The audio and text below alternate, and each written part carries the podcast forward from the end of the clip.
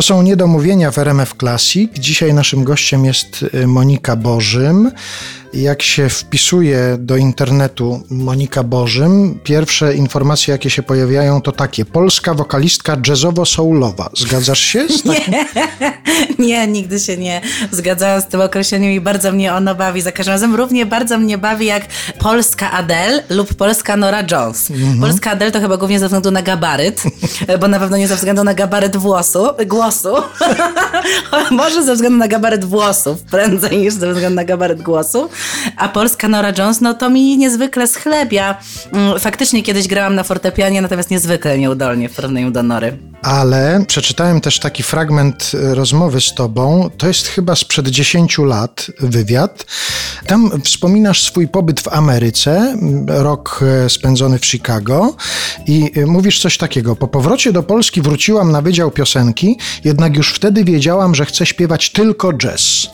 Czy to tylko cały czas obowiązuje, czy teraz po tych 10 latach wiesz, że już nie tylko jazz chcesz Yy, śpiewać? Wiem, że już chcę śpiewać nie tylko jazz, wiem teraz już, że y, chcę śpiewać po prostu to, co chcę śpiewać, czyli siebie gdzieś tam, ale na pewno moim korzeniem stylistycznym i gatunkiem, do którego mój głos najlepiej pasuje, również przefiltrowane przeze mnie i składające się na mnie środki stylistyczne również najlepiej pasują do mainstreamowego jazzu, no to, to jednak nie.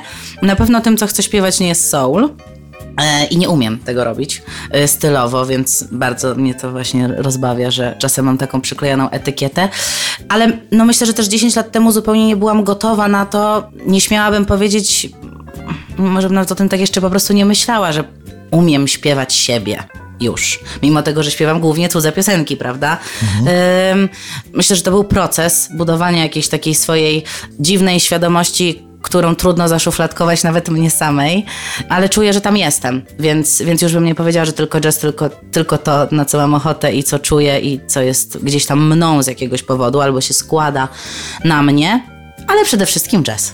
No dobrze, ale ten jazz pojawił się w Twoim życiu bardzo wcześnie. To, to nie jest zazwyczaj taka muzyka, która pochłania nastolatków, powiedzmy. Ty jako dziewiętnastolatka już wystąpiłaś na Jazz Jamboree, zaproszona przez Michała Urbaniaka, czyli to jeszcze wcześniej musiało się pojawić, nie w takich okolicznościach, że Michał Urbaniak spotkał na ulicy kogoś, o kim sobie pomyślał, o, ona może śpiewać jazz. To tak trochę było.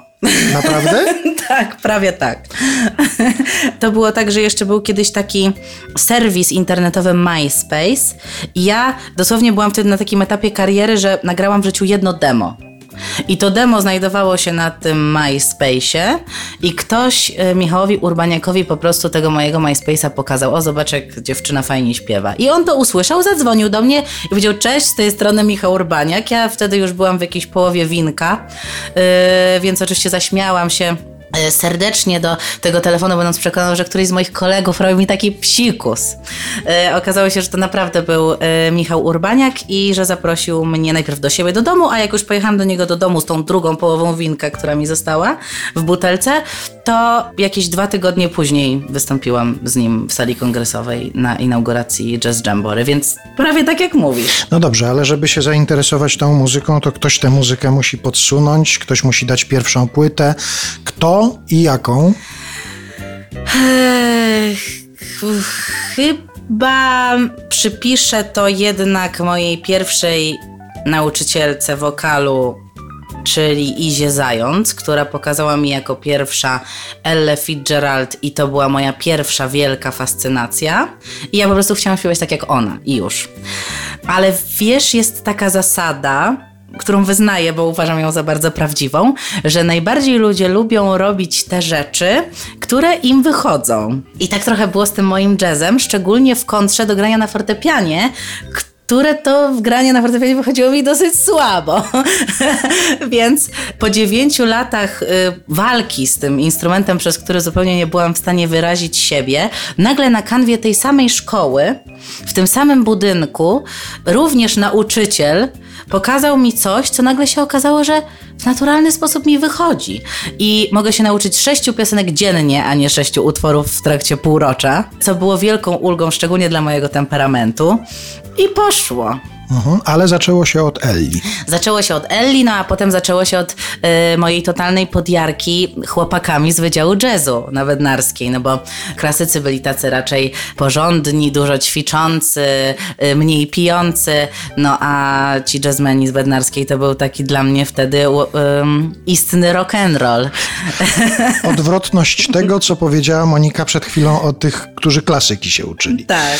Jak się potem okazało, to było bardzo błędne postrzeganie, gdyż klasycy naprawdę świetnie imprezują. Dziś oddaję im wielki hołd e, po latach doświadczeń. Natomiast, e, natomiast tak, wtedy zafascynowali mnie ci jazzmeni i to, że oni w tej szatni tak biorą te instrumenty i mogą się tak dżemować, grać po prostu improwizując e, swobodnie. Strasznie im tego zazdrościłam i bardzo chciałam z nimi chodzić na piwo i, i myślę, że stąd ta pasja nagle tak we mnie zawrzała. Do tego artystycznego wrzenia Moniki Bożym wrócimy już wkrótce, a teraz ilustracja muzyczna tych pierwszych jazzowych fascynacji, czyli Ella Fitzgerald.